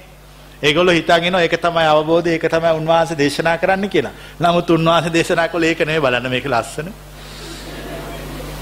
මේක නං ගහලා තියෙනවා දෙක තුනක්ම. කුරුල්ලෙක් ඉන්නව රුපියල් 18 හොටෙන් අනින්න බලාගෙන. මේ පැත්තේ සමනලෙක් පියාඹපු ගමන් තියලා තද කරලා තියෙනවා. තව මේ මොකද්ද බින්ගේකුත් තියෙනවා. මේකට ඉරකුත් තියෙනවා. මේ ඒගොල්ලෝ විමුක්තිය රස කරන විදිය. ඒ කියන්නේ අර එක දිගට එකක් රස කරන්න යන්නේ නැහැ. තේරෙන්නේ නැද්ද කියන එක? එක එකලාට එක එක ඒක තමයි සාමාන්‍යයෙන් ඔය తాවකාලික විමුක්තියක් ලැබුණාම ස්වභාවය ඒ తాවකාලික විමුක්තිය තුල එකක් නැහැනේ. ඒකේ හැඩතල සොයනවා. ඒ සාමාන්‍යෙන් මනුස්සේ තමුන්ගේ හිතේ නිවීමේ හැඩතල ගවේශණය කරන්නේ ඒ ඇත්තම එක හම්බෙල තියෙන නිසාද? බොරු එක අයිතිකාරය නිසාද? බොරු එකක් තියෙන නිසා. ඒ මොඩට එක තේරෙන්නේ මේ පැත්ත නැට්ටුක්කාරෝ දෙන්නෙක් ඉන්නවා දෙවල් දෙවල් නටනවා දනේ මන් දන්නේ එකක් හරි නැටිල්ලක් නටනවා හැබැයි. මේ පැත්තට බලනවා. මෙහෙම බලනවා. මෙහෙම ලයින් එකට බලනවා. මෙහෙම බලනවා. මේ බලන්න මේ බලන්න මෙහෙම බලනවා. මෙහෙම බලනවා. මේක අවුරුදු 100ක් මට බලන්න පුළුවන්. මිනිස්සුත් විමුක්තිය ලැබුණා මේක මේ විදිහට එන්ජොයි කරනවා. මේක රස කරනවා. මොකද ඊට කලින් යාට ඒවා එකක් ලැබිලා නැති නිසා. දැන් ඒ රස කරන අතර මොකද්ද වෙන්නේ? මෙහෙම එකක් වෙනවා. ලෝක ධර්මයක් තියෙනවනේ ආවුස ගෙවෙනවා ආවශ්‍ය ගෙවිලි ඉවර වෙනවා. වයස ගෙවෙන විර වෙනවා. කාය ශක්තිය ගෙවිලි ඉවර වෙනවා. කර්මය ගෙවිලි ඉවර වෙනවා. ඔය රස කරන අතර මරණයට පත් වෙනවා. මේගොල්ලු මේ වගේ විමුක්තියක් ලබා ගත්ත කෙනෙක් මරණයට පත් වුනහම එයා මොකක් වේද? නැවත සංසාරයට එකතු වෙනවා. මොකද මීට වඩා කොළ තියෙනවා. තව කොළ දෙකක් තියෙනවා. තවත් කොල් තියෙන කොළ දෙක මොකද්ද? ඒ දෙකක් දෙන්න කැමති නම් මට දෙන්නකෝ ගෙනල්ලා. එතකොට 8000 එක දවසට බලන්න. තව දෙකක් තියෙන කොළ. එකක් 2000 කොලේ අනික 5000 කොලේ. දැන් තාම මේ දෙක ගැන නෙමෙයි මේ කතා කරන්නේ. මේ කතා කරන්නේ රුපියල් 1000 කොලයක් ගැන. හැබැයි එයා හිතන් ඉන්නවා ඒක තමයි කියලා ලොක්කුම තියෙන එක. මීට අවුරුදු දහයකට පාලෝකට විස්සකට කලින් මේ රටේ ජීවත්වච කෙරෙකුට තියෙන ලොකුම මුදල් ඒකකය මෙන්න මේක. එයා සියලු ගණ දෙනු කරන්නේ මේක හරහා.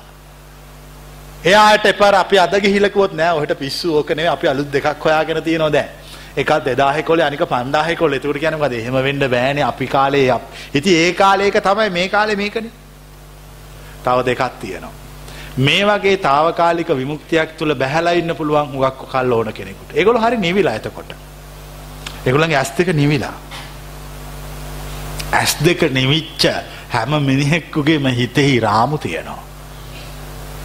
විශ්වාස කරන්න එපා ඇස් නිවිච්ච හොරු. මගෙන තේරෙනවාද. ඇස් නිවිච්ච හොරු විශ්වාස කරන්න එපා. ඇස් නිවිච්ච හොරෙක් තමයි මේ ධර්මාසනයේ වැඩ සිටින්නේ. ඉස්සර බලන්න අර විමුක්තිමාවත කොලේ තියෙන රූපේ කොයි කාල ගත්ත රූපයක්ද? ඇස් නිවී ගිහිල්ලා. බලන්න අර පින්තුර ඇස් නිවී ගිහිල්ලා. ඕනම කෙනෙකුට සත්‍යාබෝධ වෙච්ච මුල් කාලේ හුගේ ඇස් නිවී යනවා. ඒ හුගේ හිත ඇද්දිලා පවතින්න පිටි පස්සට ඔය අවබෝධය අපරිපූර්ණය. මේ රුපියල් දහ අවබෝධයක් ඒක. ඊට පස්සේ නැවතහු හිත මෙහෙම පෙරලන්න ඕන.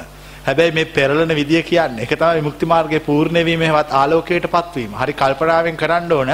දැන් මේ ලයිට් එක ලයිට් එක දාන්න නැතුව තියෙනකන් කිසි අවුලක් නැහැ. දැම්මොත් දෙකක් වෙනවා? එකක් මොකද්ද? පැත්තම එළිය වෙනවා. අනිත් එක තමයි පැත්තම ගිනි ගන්නවා. ඔයම කොහිට ගෙනින්නේ රුපියල් 10 දෙන්නේ නැහැ. ඒක හම්බෙන්නේ නැහැ ඒක ඉවරයි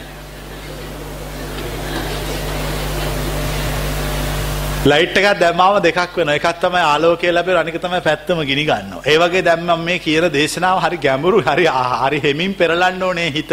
ඒ හිත හැබැයි පෙරලන්න බය වෙන්න එපා. හැමෝම කරන්නේ මේ විමුක්තියක් හම්බුනාම මේවා එකක් හම්බුනාම මේක ආරක්ෂා කරගෙන ඉනේ ගාගෙන ජීවත් වෙනවා.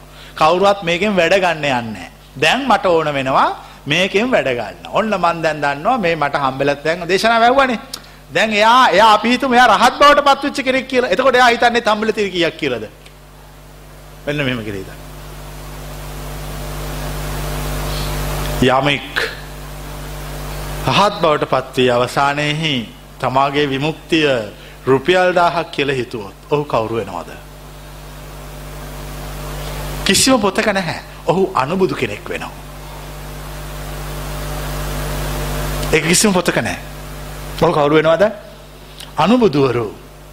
බුදුවරු ඉන්නෝ අනුබුදුවරු ඉන්නෝ මහා අග්‍රස් මහා ශ්‍රාවකයෝ ඉන්නවා. එච්චරයි ශාසනේ. බුදුවරු ඉන්නෝ අනුබුදුවරු ඉන්නෝ අනුබුදුවරු කියන්නේ කවුද? අර අරකෙන් එහාට ගිහිලා තව ඒගොල්ලෝ ගවේෂණය කළා. මොකද ඒගොල්ලෝ ලැබෙන ලැබෙන හැම එකක්ම රුපියල් 1000ක් වැඩක් නැහැ. කීකේ ප්‍රතික්ෂේප කළා. ප්‍රතික්ෂේප කළා. විමුක්ති මාර්ගය ප්‍රතික්ෂේප කරන්න අනුබුදුවරයෙක් බවට පත් වෙනවා. විමුක්ති මාර්ගය සුවසේ වඩන්නා හොරෙක් වෙනවා. එක්ක කොකෙක් වෙනවා. බලන කොකෙක් කොච්චර ශාන්තද කියලා. දෙකලන කවදාකත් හෙල්ලෙන්නේ ඔය කකුල් දෙක මෙහෙම වතුරට බැහැර මෙහෙම කරගෙන ඉන්න. අපි කියන්නේ බකත පස් රකින්නයි කියලා. කවදාකත් හෙල්ලෙන්නේ. හැබැයි මාළු දැක්ක ගමන් මොකද්ද කරන්නේ? මෙමී ඇහැක් කරලා බලනවා නාකි මනමාලකම දානවා. මාළුවෙක් දැක්කොත් ඒ වගේ තමයි තපසොත්. ඔව්.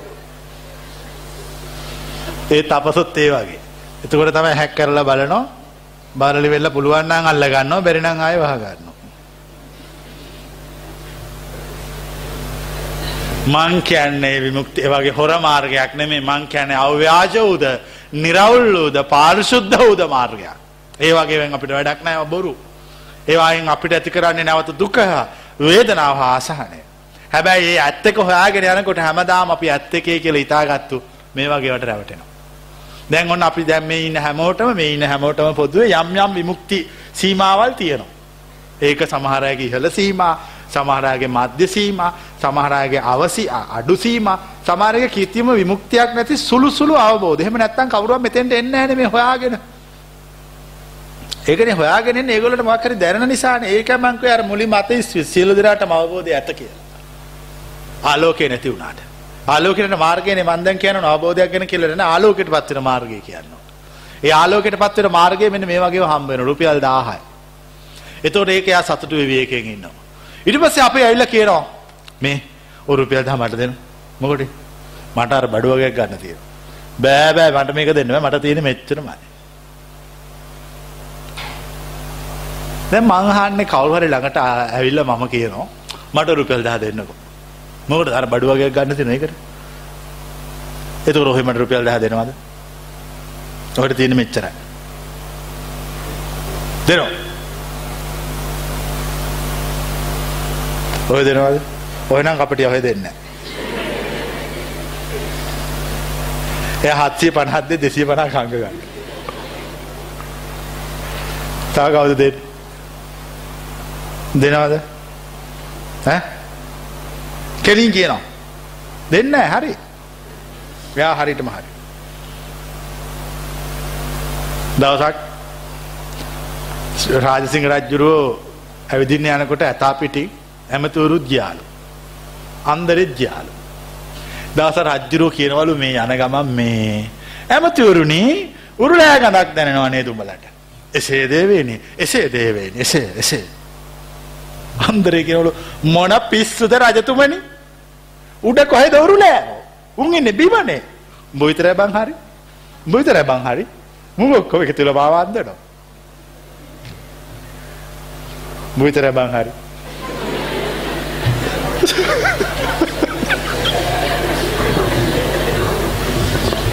මුං එක තුල මාව අන්දනවා. ආයි කියන්න වෙන්නේ ඒක. මම කියන එක පැහැදිලිද? දෙන්නේ නැහැ. මොකද මේ රුපියල් 1000ක් නෙමෙයි මම මේ ඉල්ලුවේ මේ මෝඩයන්ට තේරුනේ නැහැ. මේ මෝඩයන්ගේ විමුක්තිය ඉල්ලුවේ. ඒක රුපියල් 1000ක් දෙන එක ප්‍රශ්නයක් නෙවෙයි. 2000ක් ඊට පහුවෙන්ද ඔෆිස් එකෙන් ගන්න පුළුවන් නේ.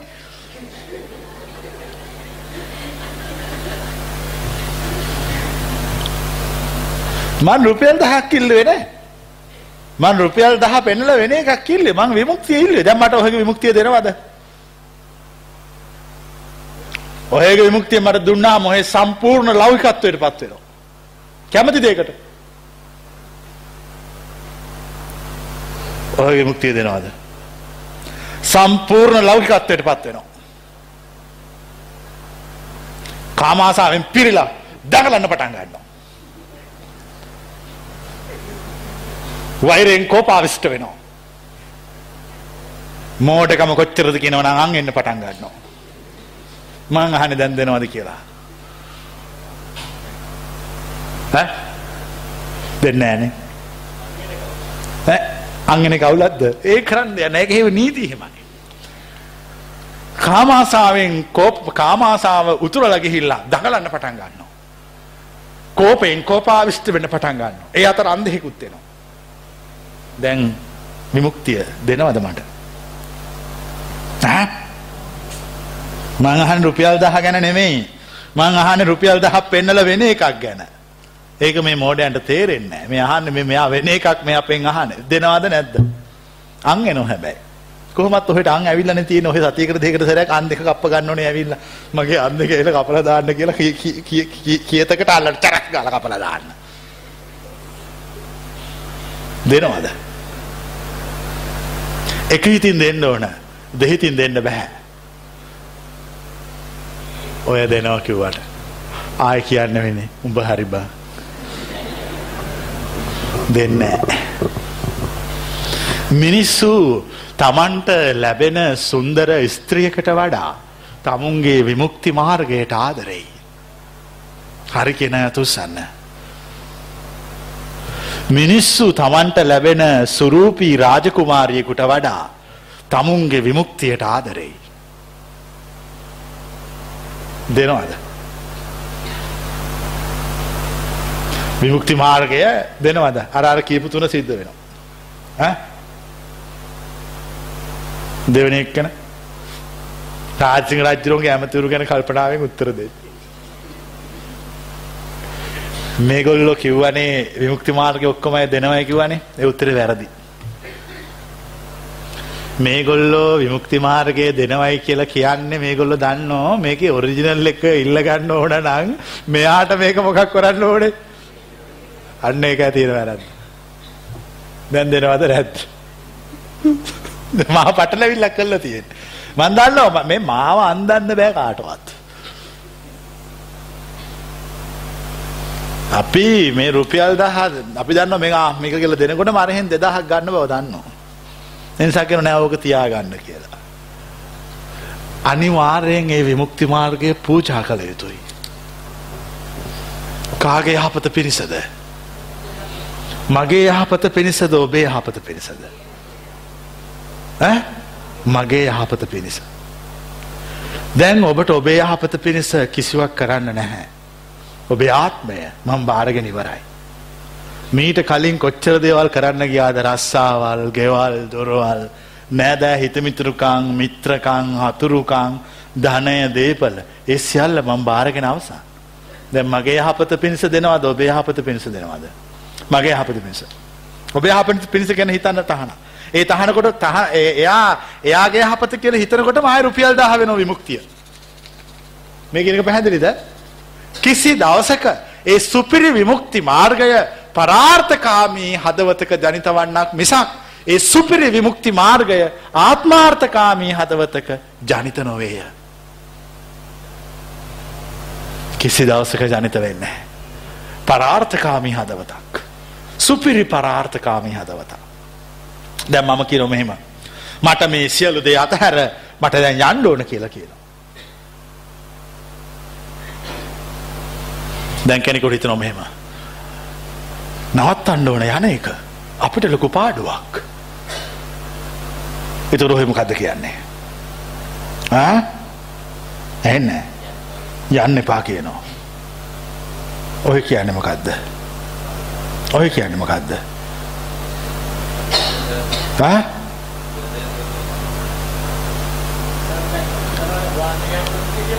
නෑ නෑ නෑ මම හිතනවා මට මේ සියල්ල අතහැර දාලා යන්න ඕන කියලා දැන්. මං අහන එතකොට දැන් මං එහෙම කිව්වහම මේ සභාවේ එහෙම කියනවා. කිව්වහම මෙතන ඉන්න අය මට දෙන උත්තරයි මං අහන්නේ. ඈ යන්න දෙනවා.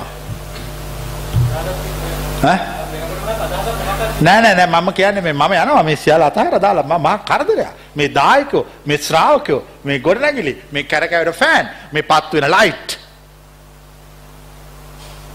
මම මට වද. අපේ ආත්මාර්ථය උදෙසා යන්න දෙන්නේ මං එතකොට නවතිනවා. ඒක තමයි මගේ පරාර්ථය. කැමති දෙයක් කරන්න කොත් කොහොමත් යනවා. අප කරේ අනුකම්පාවෙන් වැඩ සිටින සේක්වා කියලා කිව්වත් උඩින් පැනලා යනවා. අපේ ආත්මාර්ථකාමීත්වය වෙනුවෙන් ඉන්න කිව්වොත් නැවත ජීවමාන වෙනවා.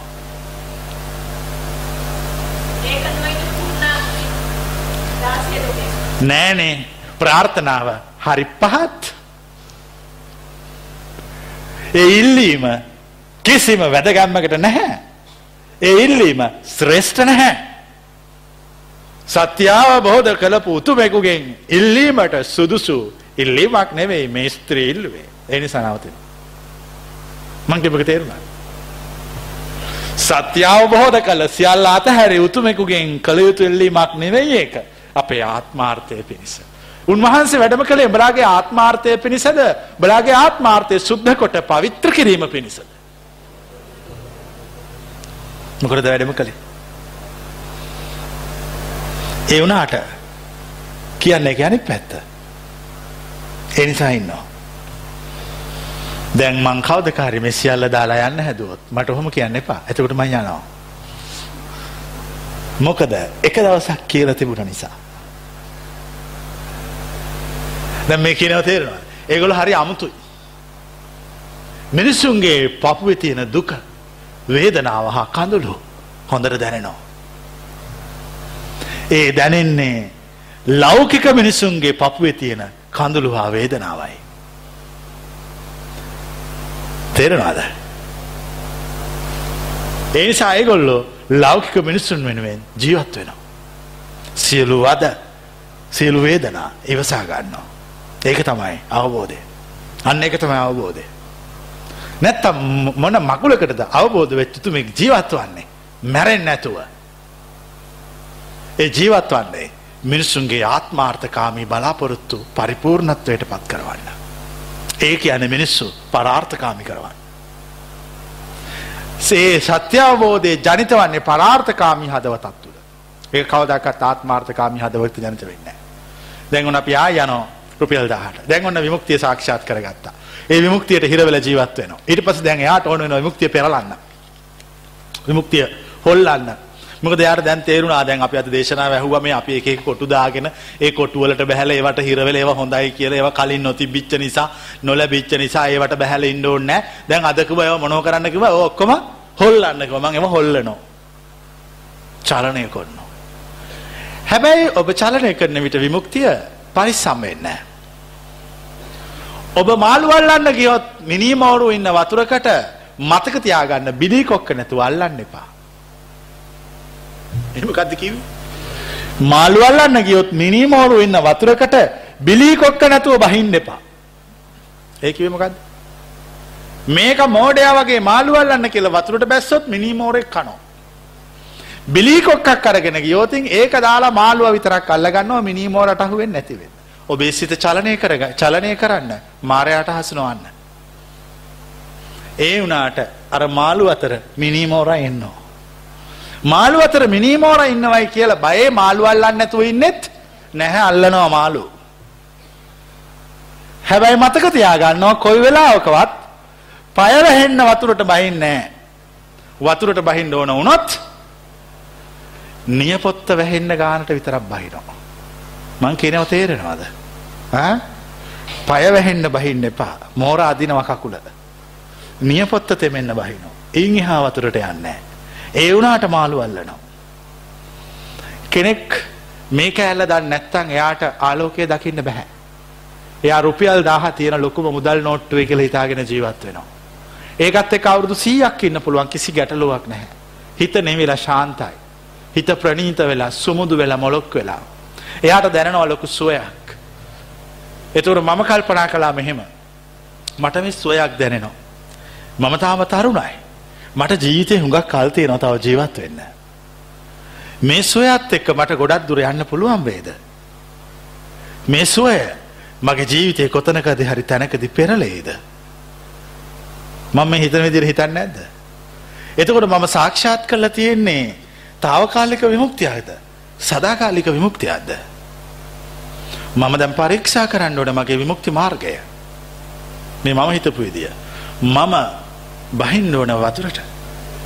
අල්ලන්න ඕනේ මාලු හැබැයි මම සැලකිලිමත් වෙන්න ඕන. මිනිමෝරාට හසු නොවන්න. මං මාලු ඇල්ලුවා. එව හරිම රසයි. මම දැක්ක මිනිමෝර ඇතනින් යනෝ මිනිමෝර යනකොට බලාගන්න කොහොමද? ත්‍රිකෝණයක් වගේ වරලා වතුරින් උඩට එනවා. ඒ මිනි මෝරෙක්කින්න එතන. එක කනෝ බැස්ස.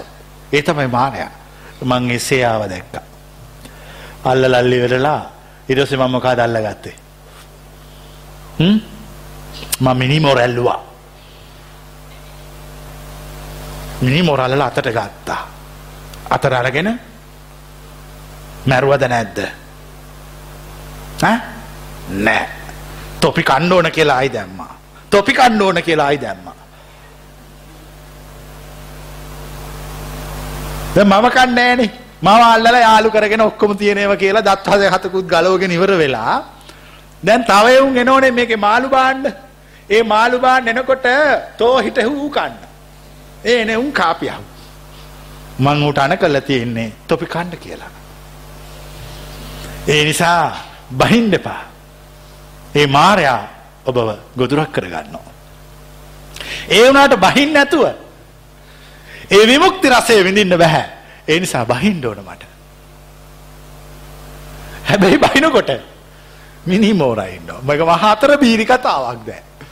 මේක අවුරුද්දක් විතර මේ කෑල්ල ගැන කතා කරන්න වෙනවා. ගෙදර ගියොත්තෝ නසී.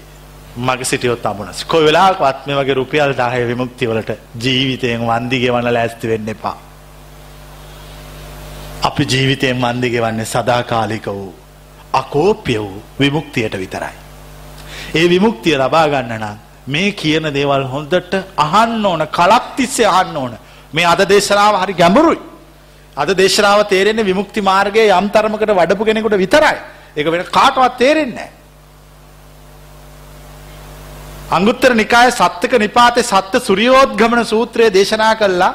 ගෞතම බුදුහාමුදුරුවෝ මෙහෙම දේශනා කරනවා මහණෙනි මා මේ මහා පෘථුවිය ගැන කළ දේශනාව පිළිගන්නේ සෝතාපන්න වෙච්ච ආර්ය ශ්‍රාවකව විතරයි වෙන කවුරුවත් මේක පිළිගන්නේ නැහැ. හේතුව මේක හිතා ගන්නත් බෑ. ඒ වගේ මා මේ කරපු දේශනාව පිළිගන්නේ මා කෙරෙහි එකම ශ්‍රද්ධාවකින් සිටින්නෝ පමණයි. වෙන කවුරුවත් මම මේ කරපු දේශනාව පිළිගන්න. උට තේරෙන්නේ නැහැ. හැබැයි තේරුම් නැතේ කියලා අතාරින්න එපා. මා කෙරෙහි විශ්වාස කරන්න. භක්තිමත් වන්න. අදහන්න. ඒ අදහමින් උන්වහන්සේ මොකක්දෝ දෙයක් කියනවා. මගේ පවට මට තේරෙන්නේ නැහැ. එහෙමම හිතන්න. එහෙමම හිතන්න. දිගට මේවම හිතන්න. අවුරුදු ගාණක් එහෙමම හිතන්න. උන්වහන්සේ මොකක්ද එකක් කියනවා. මගේ පවට මට තේරෙන්නේ මගේ සාපයට මට දැනෙන්නේ ඒ වුණාට දැනෙන අය ඉන්නවා. මීට අවුරුදු දෙදස් සයසීයකට කලින් වුණෙත් ඕක. එදත් කිවේ මොකක්ද. උන්වහන්සේ මොකක්ද කියනවා. මගේ සාපයට මට තේරෙන්නේ මගේ පවට මට දැනෙන්නේ. ඊට පස්සේ ආය සින්දුවක් හැදවා. මොකක්ද හැදූ සින්දුව. බුදු හාමුදුරුවෝ අපිත් දකින්න ඇති. බනත් අහන්න ඇති. නිවන් දකින්නට පින්මදි වෙන්න ඇති. ඒකයි තවමත් සංසාරේ. ඒ සින්දු ආයලියන්න ඕන නම් මේක නොතේරීම ඒවා. දැන් තේරුණාද? ඒ සින්දු ආයෙ ලියන්න ඕන නම් බුදු හාමුදුරුවෝ අපිත් දකින්න නැති බණත් අහන්න නැති නිවන් දකින්නට පින්මදි වෙන්න නැති ප්‍රශ්නේ තියෙන්නේ ඔබේ මගේ නෙවෙයි ඔබට මං කියන දේ තේරෙන්නේ ඒ තේරෙන්නේ නැත්te හිතේ කුණු වැඩි බලාපොරොත්තු වැඩි අපේක්ෂාවන් වැඩි හදාගත්ත අනාගතය ඔබට බාධා කරනවා අතීතයේ රාත්‍රිහි එකවර අවදි කරවනවා පශ්චත්තාපය දුක ඇති කරවනවා ඒ සියල්ලෙන් මිදිච්ච ගැලවිච්ච උතුමෙකුට මම මේ කියනව තේරෙනවා. ඔහුට විමුක්තිය තේරෙනවා. ඔහුට අවබෝධය තේරෙනවා. ඔහුට ආලෝකය තේරෙනවා. ඔහුට කළ යුතු දේ නොකළ යුතු දේ තේරෙනවා. ඔහුගේ විමුක්ති මාර්ගය පරිපූර්ණ කිරීම සඳහා ගමන් කළ යුතු පඩිපෙළ ඔහුට තේරෙනවා. එතකොට කළ යුත්තේ මේ වගේ රුපියල් 10 විමුක්තිය වලට අහු වෙලා ජීවත් වෙන්නේ නැතුව ඕවා විසි කරලා දාලා එතනින් එහාට ගමන් කරන්න. හැබැයි ගමන් කරනකොට මතක තියාගන්න මිනි මෝරු ඉන්නෝ මාළුත් ඉන්නවා. මාළු අල්ලන්න මිනි මොරට අහු වෙන්නේ නැති වෙන්න. මිනිස්සු මාළු අල්ලන්න ගියාම මිනි මොර කනවා. මෙතනින් අයත් මිනිමෝරට අහුවෙන්න පුළුවන්. එනිසා පරිස්සමේ. කුම්ම සූත්‍රය ගෞතම් බුදු හාමුදුරුව මෙහෙම දේශනා කරනවා. මහනෙන මේ ගෞතම බුදු හාන්දුර විතරක් නෙමේ පෙර වැඩ සිටි කකුසඳ කෝනාගමන කාශ්‍යප කියන ඒ බුදුවරුත් ඊට කලින් වැඩ සිටි සිකී වෙස්සබුය විපස්සි සිකී වෙස්සබු කකුසඳ කෝනාගමන කාශ්‍යප කියන ගෞතම කියන බුදුරුත් සියලු බුදුරු මේක දේශනා මෙන්න මේව දේශනා කරනවා. මහණෙනි ඉස්සර කාලේ හිටියා ඉබ්බෙක්. ඉබිනායකයෙක් ඒ ඉබිනායකයාට හිටියා ඉබි රංචුවක්. ඒ ඉබි රංචුව රංචුවේ ඉබි නායකයා ඒ සියලු පිරිවර එකතු කළා හැමදාම අවවාදයක් දෙනවා. ඒ දෙන අවවාදය තමයි මේ ඉබිරංචුවේ කවුරුවත් මම කියන තැනින් එහාට යන්න එපා කියලා කියනවා. මහණෙනි මේ ඉබිරංචුවේ හිටියා හිතුවක්කාර ඉබ්බෙක්. ඒ ඉබ්බට දවසක් හිතුණා එපයි කියන නිසාම යන්න ඕන කියලා බලන්න. එක දවසක් මේ හිතුවක්කාර ඉබ්බා ගියා ඉබිරංචුව කඩාගෙන ඇවිදින්න. ඒ ගියාම දැනගත්තා ඉබි නායකයා ඉබ්බා ගිය බව. ඒ ඉබ්බා එනකම් බලන් ඉඳලා ඇහුවා පුතේ උඹට කරදරයක් වුනේ නැද්ද? නෑ කිසිම කරදරයක් නෑ. උඹට කවුරුවත් හමු වුනේත් නැද්ද? නෑ කිසිම එකෙක් හමු වුනේ නෑ. කිසිම හර කරදර නෑ කිසිම කරදරයක් නෑ. ඒ වුණාට ලන්නක් පස්සෙන් එනවයි කිව්වා. එතකොට කිව්වා උඹගේ තාත්තට උනේත් ඕක. උඹගේ තාත්තට තාත්තට උනේත් ඕක. උඹට උනේත් ඒක. දැන් උඹ අපට අයිති නැහැ. උඹ අයිති වැද්දට. දැන් තව ටිකකින් වැද්ද එනවා මෙතෙන්ට. ඇවිල්ලා උඹ අරගෙන යනවා. ඒ දැන් වැද්දත් එක්ක යන්න ලෑස්ති වෙයා. අපි යනවා යන්න කියලා. ඉබිරංචු හොයන්න ගියා. මහණෙනි ශාස්ත්‍රුන් වහන්සේගේ සීමාව තුල වසන්න. යම් කෙනෙක් ශාස්ත්‍රුන් වහන්සේගේ සීමාව පනින්නේද? ඔහු මාරයා නැමැති වැඩි වැද්දාට හසු වෙනවා. තේරෙනවද? හොඳට මතක තියාගන්න කුම්ම සූත්‍රය. මාරයා නැමති වැද්දට හසු වෙනවා. ඒ වැද්ද ඔබ සහප කරනවා. ඒ වැද්ද ඔබට ගැලවෙන්න දෙන්නේ නැහැ. නැවත ඔබ සංසාරයට එකතු කරනවා. ලෝභය, ද්වේෂය, මෝහයෙන් හිත පුරවනවා. වෛරය කෝපය ඊර්ෂ්‍යාවෙන් කුල්මත් කරවනවා. ඊට පස්සේ සසරට නැවත එකතු වෙනවා. නැවත ඉපදීම මරණය ජරාවහ ව්‍යාදීහි අයිතිකාරයෙක් වෙනවා. මම කියන්නේ සියල්ලෙන් ගැලවෙන්න කියලා. මම කියන්නේ අජරාමර වෙන්න කියලා. අමුෘත තත්ත්වයට පත්වෙන්න කියලා. ඒ සඳහා මේ විමුක්ති මාර්ගය අවබෝධයෙන් පටන් අරගෙන ආලෝකය දක්වා යන්න. අපි අද සාකච්ඡා කළා අවබෝධය දං ආලෝකයට යනකොට ඔබට වරදින තැන්. දේශනාව අවසන්. තේරිච්ච ඇතුස්ස.